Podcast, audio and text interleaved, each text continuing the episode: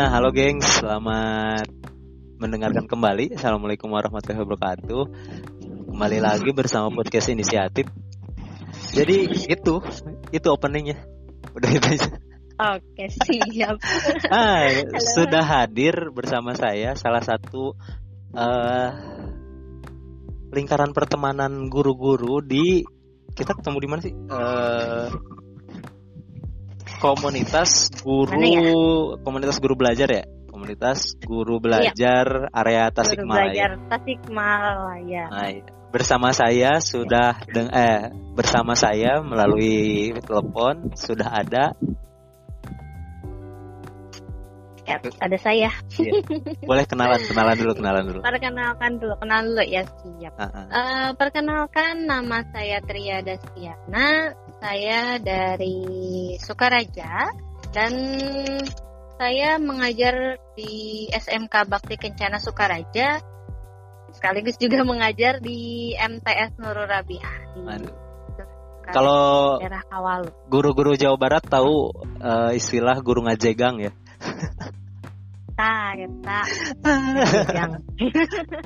uh, dulu betul, betul, betul, kuliah di mana berarti? Hmm, kalau dulu latar belakang berarti ya? Lebih yeah, latar yeah, belakang. latar belakangnya. Uh, dulu di pendidikan keguruan di Unsil jurusan bahasa Inggris. Tapi sekarang juga di SMK Bakti Kencana juga dikasih ini satu lagi nih seni budaya jadinya agak belok oh, murtad sedikit murtad tapi nggak jauh-jauh amat lah dari pendidikan masuk ke pendidikan lagi murtadnya nggak jauh nggak jauh. beda materinya aja. Harus banyak baca baca tetap tapi kan Aduh. kata kunci jadi guru justru kan ba banyak belajar gitu ya? Maksudnya hmm. Uh, mau belajar. uh -uh. maksudnya kalau guru mau sudah belajar. merasa merasa bisa semua hal juga kesannya di anak-anak kayak ya kamu kan belajar belajar konten itu terus menerus selama bertahun-tahun gitu. Saya kan baru belajar gitu. Hmm tapi iya, jadi anak-anak juga ini ya jatuhnya. Menurut Mbak Tria, jadi yang ah, itu udah udah biasa. Seberapa berpengaruh sih pengajar muda sama apa maksudnya seberapa berpengaruh guru muda di mata anak-anak? Um, pengaruhnya banyak sih, lumayan. Mungkin kalau untuk kemampuan sendiri guru muda ataupun guru yang senior, pasti guru senior juga lebih banyak pengalamannya ya. Ah, Tapi mungkin iya. kalau guru-guru muda, kalau guru-guru muda itu apalagi sekarang kita udah pada zaman milenial nih. Iya. Nah, tapi kalau guru-guru muda mungkin lebih ke banyak penggunaan media dan lain sebagainya sehingga pengaruhnya ke si anak juga kalau kita menggunakan media pembelajaran atau apa pun eh, pendekatan dan yang lain sebagainya kita racik-racik nih dalam dunia pembelajaran di kelas itu pengaruhnya anak jadi bisa uh, antusias dalam belajarnya, semangat barunya gitu. Kadang kan gini ya, kalau misalkan iseng-iseng nih, guru PPL aja. Kalau misalkan ada wajah baru masih muda anak-anak seneng dong. Nah, yeah. kadang-kadang gitu kan. Lebih ke genit sih biasanya siswa-siswa itu. Hmm rata-rata gitu sih. Kalau misalkan yang, mengajarnya remaja-remaja gitu kan. Uh, uh, apalagi kan kalau apa uh, yang beda jenis kelamin gitu ya. Misalkan gurunya cowok tapi anak-anaknya cewek apa siswa-siswanya cewek gitu. Biasanya hmm. nyambungnya cepet gitu. Hmm Iya gitu. Soalnya mungkin ada ketertarikan. Ah iya. Oh iya, punya pengalaman itu enggak? Bisa, bisa dimanfaatkan. Hmm, pengalaman apa? Pengalaman kalau misalkan itu Ya, pengalaman? Nah, pengalaman uh, siswa suka sama Katrianya. Uh, uh, gimana ya? Maksudnya dalam artian apa pun ya, maksudnya nganggap nganggap orang tua, nganggap kakak gitu. Mm -mm, iya uh, sepertinya saya juga harus belok jadi guru BP karena alhamdulillah kedekatan sama kedekatan sama murid jadi anak-anak juga banyak yang cerita banyak hmm. yang ini ya yang uh, curhat yang seperti itu. Jadi kedekatan sama mereka tuh uh, lebih mereka juga lebih banyak yang bilang oke okay, kayak sama kakak sendiri. Tapi keuntungannya itu adalah ketika mungkin mereka mempunyai masalah yang bisa mengganggu konsentrasi belajar mereka. Mereka curhat ke, uh, sama kita gitu. Kita uh, guru di sini kita juga bisa sama-sama uh, mengarahkan gitu. Supaya jadi lebih fokus lagi ke belajarnya seperti itu. Jadi kan daripada uh, dia ada masalah kemudian keluar ke mana nggak jelas. Kayak gitu. jadi jadi lebih baik guru menjadi rumah kedua gitu ya rumah pulang kedua. Nah gitu mm -mm. orang tua kedua mungkin setelah oh, iya. orang tuanya di rumah gitu.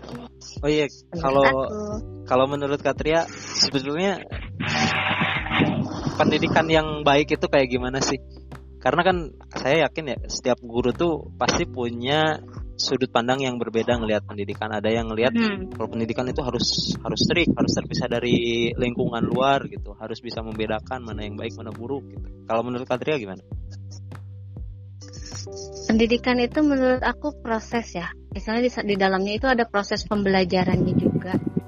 Jadi kalau menurut aku sih yang dialami oleh uh, sebaiknya kalau pendidikan itu yang dialami oleh si siswanya kalau kalau saya sendiri sih lebih ke kalau misalkan dalam proses pembelajarannya ya hmm. nah saya lebih ke anak-anak tuh lebih mereka coba mengalaminya sendiri karena uh, jika seseorang itu mengalaminya sendiri hmm. mereka akan uh, terekam dalam otaknya. Contohnya belajar aja ya. Misalkan kalau belajar uh, kita sebagai guru memberikan ceramah itu kan hmm. kadang ada konsentrasinya yang pikirannya ke mana? Masuk kuping kiri keluar kuping kanan. Ya, kan masih gitu. masih mending kalau, masuk gitu ya. Nah uh -uh. kata-kata assalamualaikum gak masuk masuk ah, kan repot. iya, repot masih mending kalau kan, kalau masuk uh, uh, jadi, masuk kelas gitu masih mending. Daripada nggak masuk sama sekali gitu. nah itu. Salam. Nah. Jadi proses nah, ngalamin gitu ya proses pengalaman. Hmm, jadi kalau misalkan di dalam kelas pun itu posisinya. Kan kalau menurut saya memang nggak bisa terpisahkan dengan lingkungan. Karena hmm. uh, setelah pembelajaran di sekolah pun mereka pulang ke rumah mungkin mereka juga bisa mengakses mengakses informasi. Itu kan bagian dari pembelajaran juga di rumah. Yeah, karena yeah, yeah, yeah. sekarang handphone dan lain sebagainya itu kan sumber informasi mereka bisa belajar. Jadi uh, kalau menurut saya mereka lebih bagus mengalaminya sendiri. Karena kalau misalkan mengalaminya sendiri misalkan sekarang saya mempelajari tentang satu materi hmm. kemudian e, kalau saya menjelaskannya saja seperti tadi kan masuk kuping kiri keluar kuping kanan. Tapi jika jika jika merekanya mencari sendiri gitu menemukan sendiri itu kan otak mereka bekerja. Kemudian merekam apa yang mereka temukan merekam apa yang uh, mereka cari seperti itu itu akan pembelajaran itu kan diingat terus gitu kayak misalkan kita aja kalau misalkan ada pengalaman yang berkesan kita piknik ke mana sampai kapan pun kadang kita suka iya, mengingatnya iya. kan nah proses ah. pembelajaran juga kalau dialami secara sendiri juga mencari mencari mungkin dengan bantuan guru juga sih sebenarnya di arahan bimbingan ah. otomatis nantinya kan akan mudah dipahami dan terus diingat gitu hmm. kalau menurut aku sih. Tapi kan kalau ngobrolin proses uh, apa? Kalau pendidikan adalah sebuah proses yang dialami gitu ya. Terus mm-hmm. posisi guru kalau menurut eh, Katria di mana? Kalau posisi guru menurut aku istilahnya gini ya. Uh, kalau mereka mengalaminya sendiri pun, misalkan uh, dalam suatu materi mereka mencari, sekarang uh, dukungan media sangat banyak. Mereka mencari uh, materi dari satu ke yang lainnya. Otomatis materi-materi yang satu dan lainnya juga uh, kalau misalkan dalam berita misalnya hmm. ada yang hoax kan, ada juga yang seperti apa. Nah kita mengarahkan kalau yang ini kita sama-sama mencari bisa ya, mengarahkan. Jadi uh, tugasnya guru itu membimbing, mengarahkan lebih kayak seperti itu. Mem memotivasi juga, memotivasi iya, iya. sebagai motivator. Jadi nggak akan terlepas juga. Cuman ya yang saya percaya sih kalau misalkan mereka mengalaminya sendiri proses pembelajaran itu mereka akan lebih tahu dan lebih paham kayak misalkan gini deh kalau misalkan orang yang patah hati gitu ya yeah. kalau misalkan mengalami gitu kan mengalami patah hati itu kayak gini-gini karena sifat saya yang jelek oh berarti uh, saya tahu nih sifat jadi, saya jelek berarti nanti ke depannya gitu ya? Oh, oh jadi ke depannya saya nggak boleh kayak gini lagi nih. Nah kalau remaja kan kayak gitu. Jadi ada pembelajarannya.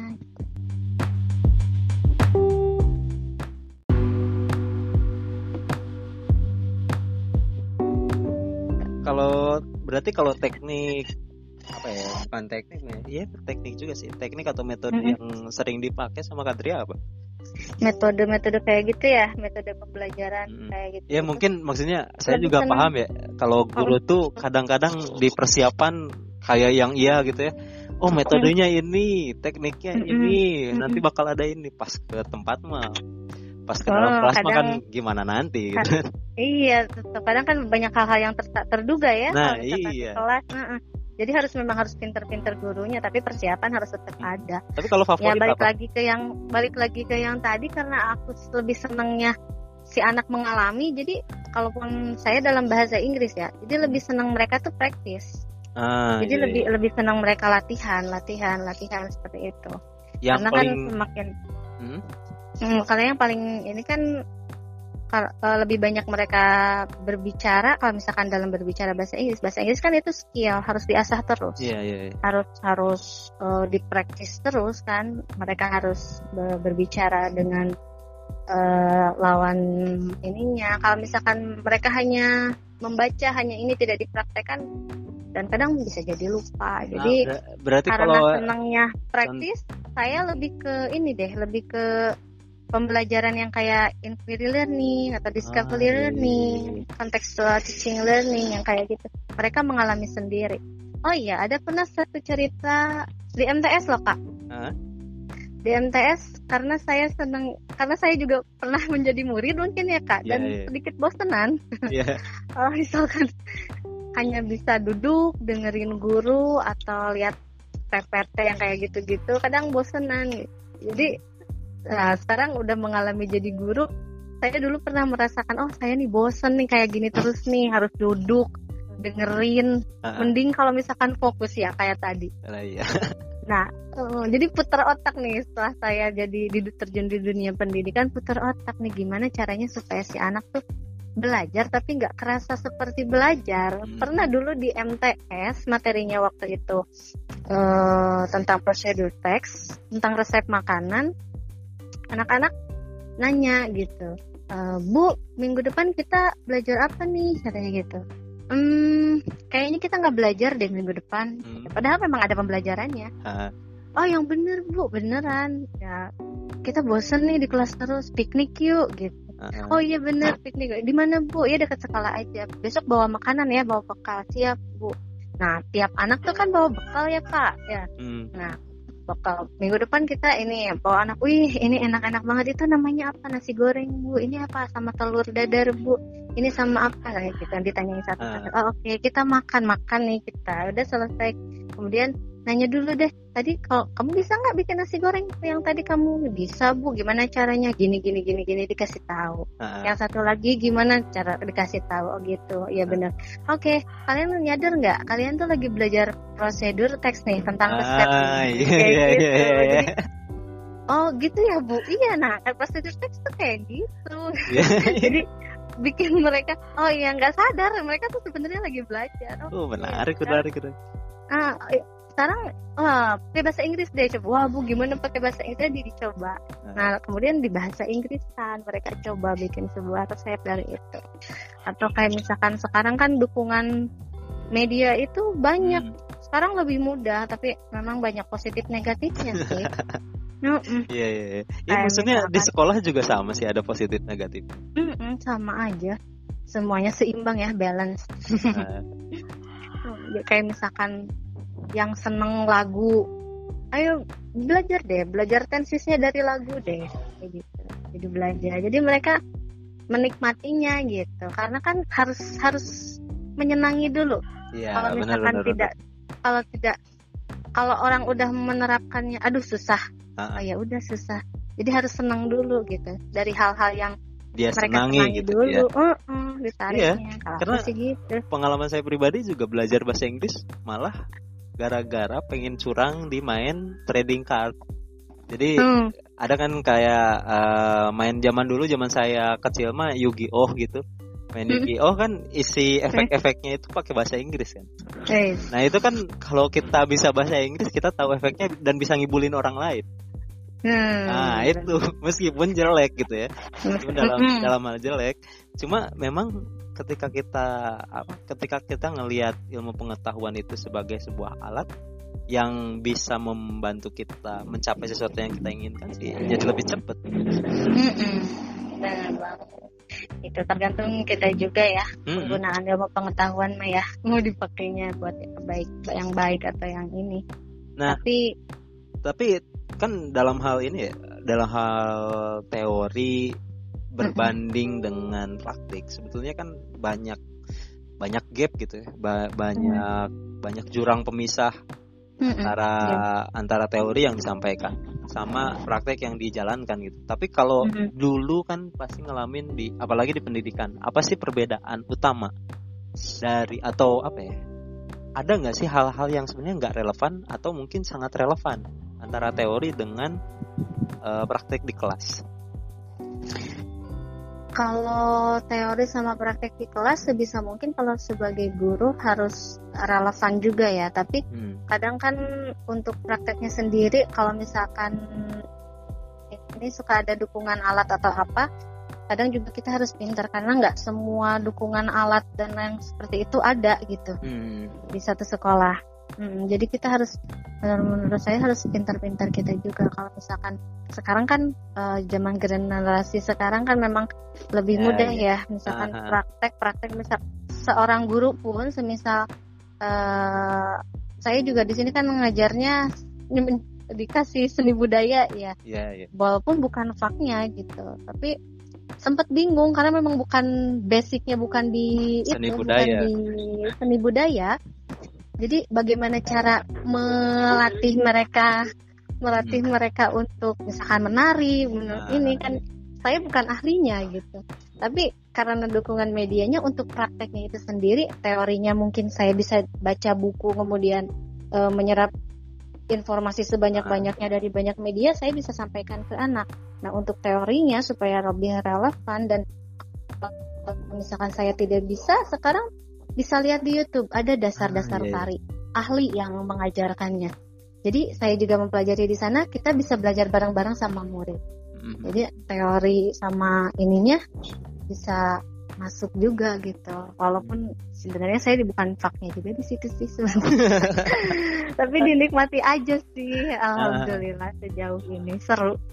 Karena mm, pada dasarnya saya senang praktek praktek seneng ini jadi ke anak-anaknya juga. Kalau misalkan seni budaya juga kan bikin apa bikin apa kreativitas apa mengeluarkan ide mereka gagasan mereka mengekspresikan apa yang ada di pikiran mereka.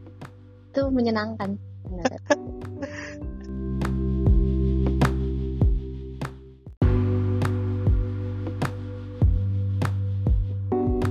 Oh iya, uh, selain dari maksudnya gini ya kadang kadang murid ya murid nggak ngelihat guru itu sebagai manusia sih uh, seolah seolah-olah seolah-olah guru itu ya ya guru gitu bukan bukan manusia pada umumnya uh, ya maksudnya bukan seperti dirinya yang harus berangkat sekolah harus ini uh, di rumahnya mm -hmm. harus bekerja maksud saya bridgingnya itu ke sebenarnya selain mengajar apa sih kegiatan lain selain mengajar yang dilakuin sama Kadria?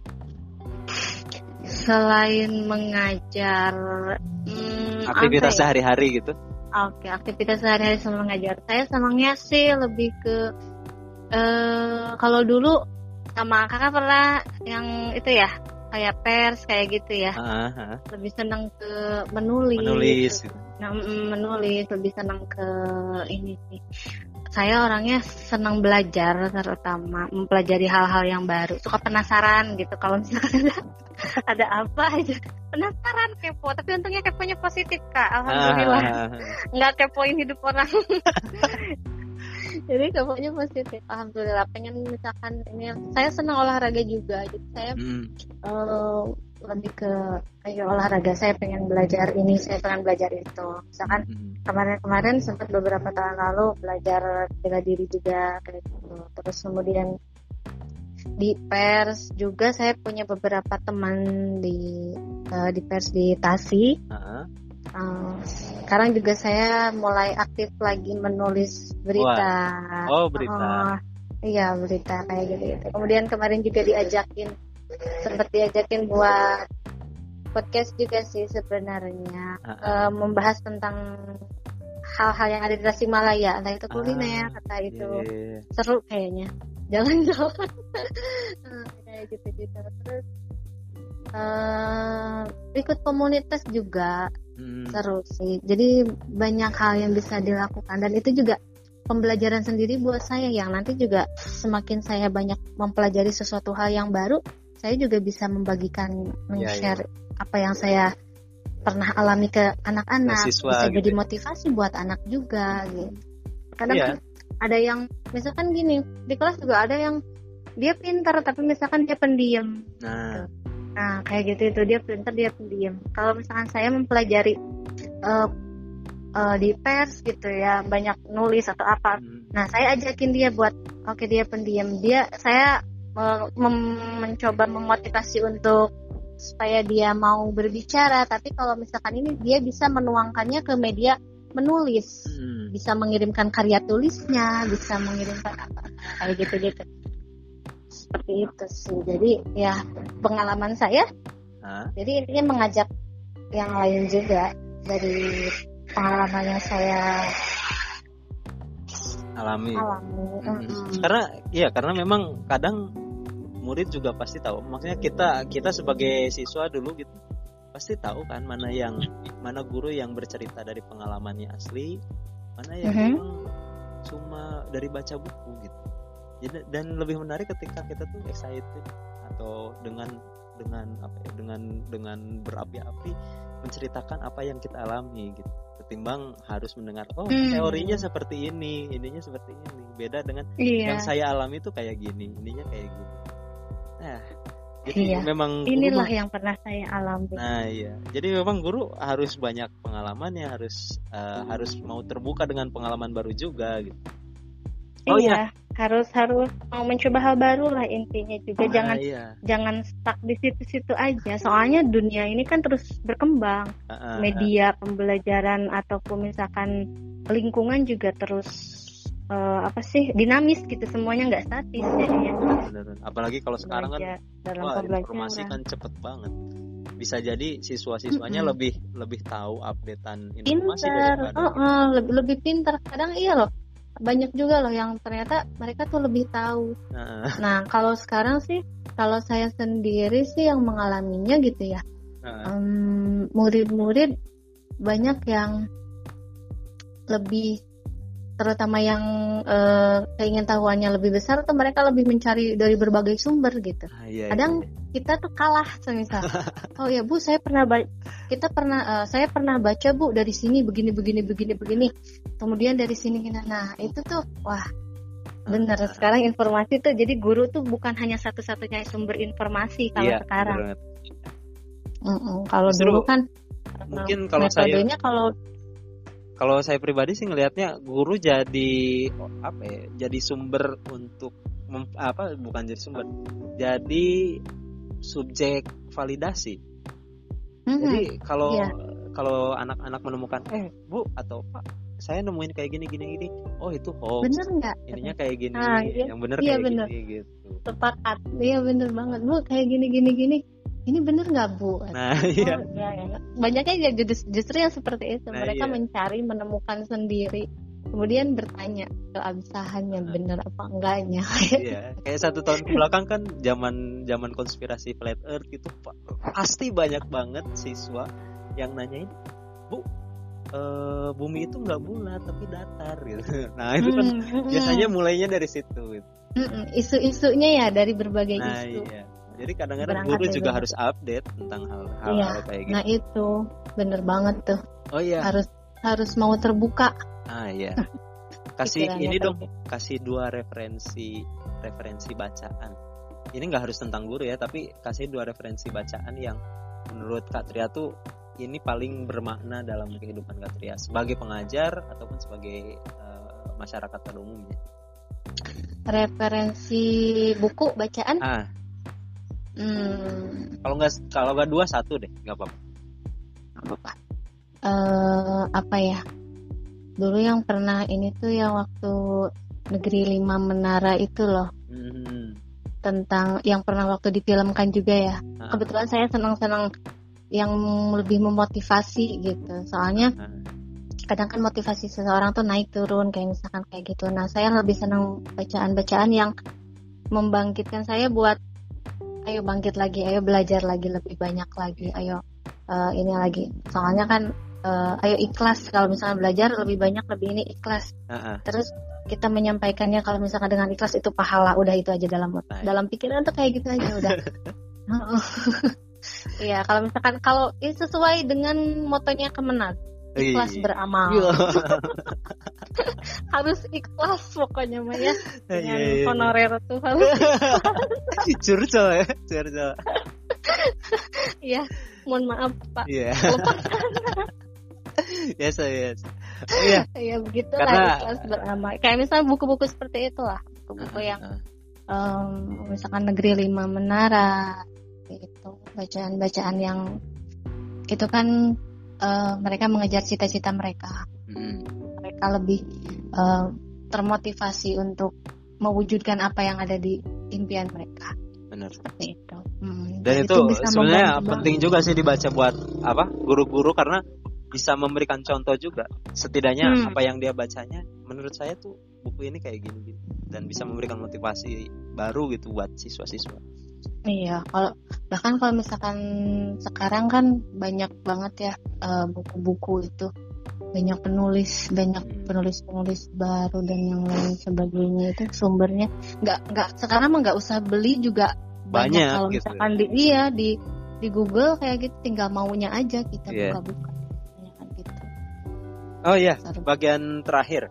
Uh, okay. Karena mungkin podcast ini targetannya sih targetannya buat guru-guru gitu Uh, boleh dong, boleh dong Kak Tria kasih uh, dua atau tiga tips mengajar atau satu juga gak masalah.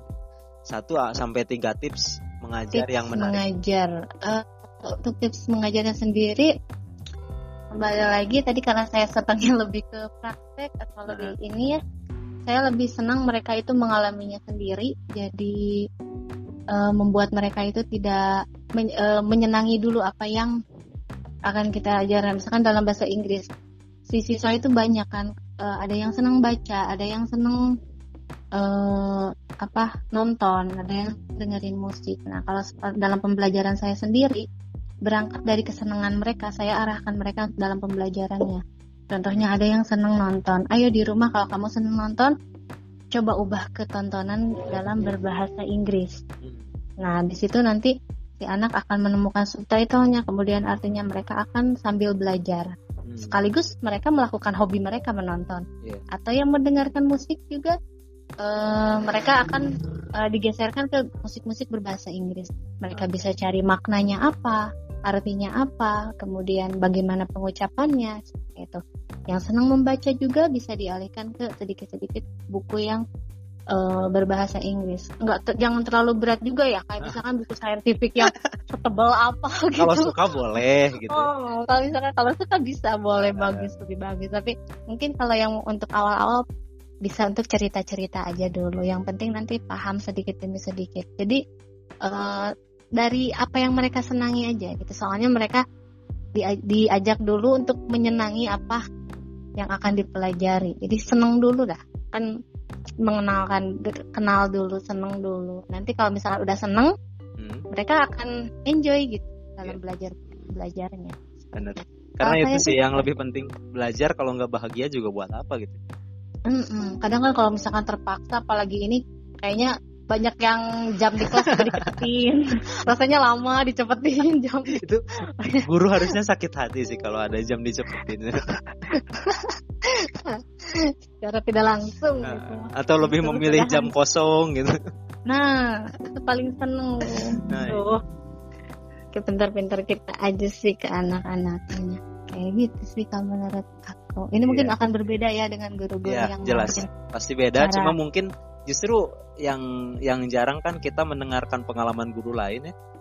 Uh, mendengarkan cerita dari guru lain. Mungkin yang sering kita dengarkan teori atau metode secara saintifik tapi kita jarang mendengarkan guru lain bercerita tentang bagaimana dia mengajar. Nah mungkin podcast ini juga pengennya kan arahnya ke situ gimana kita hmm. bisa berbagi pengalaman antar satu guru dengan guru-guru yang lainnya. Iya. Itu iya bagus mm -mm, bagus sih. Hmm. jadi ada satu pembelajaran kalau misalkan dalam pembelajaran saya banyak kurangnya mungkin bisa saling mengisi nanti sama guru-guru yang lain nah itu tuh keren nah itu bagian sama-sama belajar intinya kan kita long life learner ya kita nah, belajar iya. seumur hidup juga kalau guru udah merasa pintar ya harusnya jadi ahli aja hmm. sih bukan bukan iya. jadi guru gitu. Gitu Fadria terima kasih Siap. atas waktunya. Mohon maaf ya ini malah mengganggu uh, masa-masa pembuatan soal. Saya paham oh. membuat soal itu sulit malah diganggu kayak gini. Semoga sehat selalu di masa pandemi kayak sama-sama. Gitu. Dan semoga semakin disukai oleh siswa-siswanya Amin, amin. Yang intinya mohon maaf juga kalau misalkan banyak salah kata ya, salah yeah. ucap atau salah kata buat semuanya juga. Dan masih dalam rangka minal aizin wa faizin mohon maaf lahir dan batin. Iya iya, salam juga buat siswa-siswanya di sana uh, sama keluarga semoga sehat selalu. Amin. Sampai ketemu lagi ya. Assalamualaikum warahmatullahi wabarakatuh.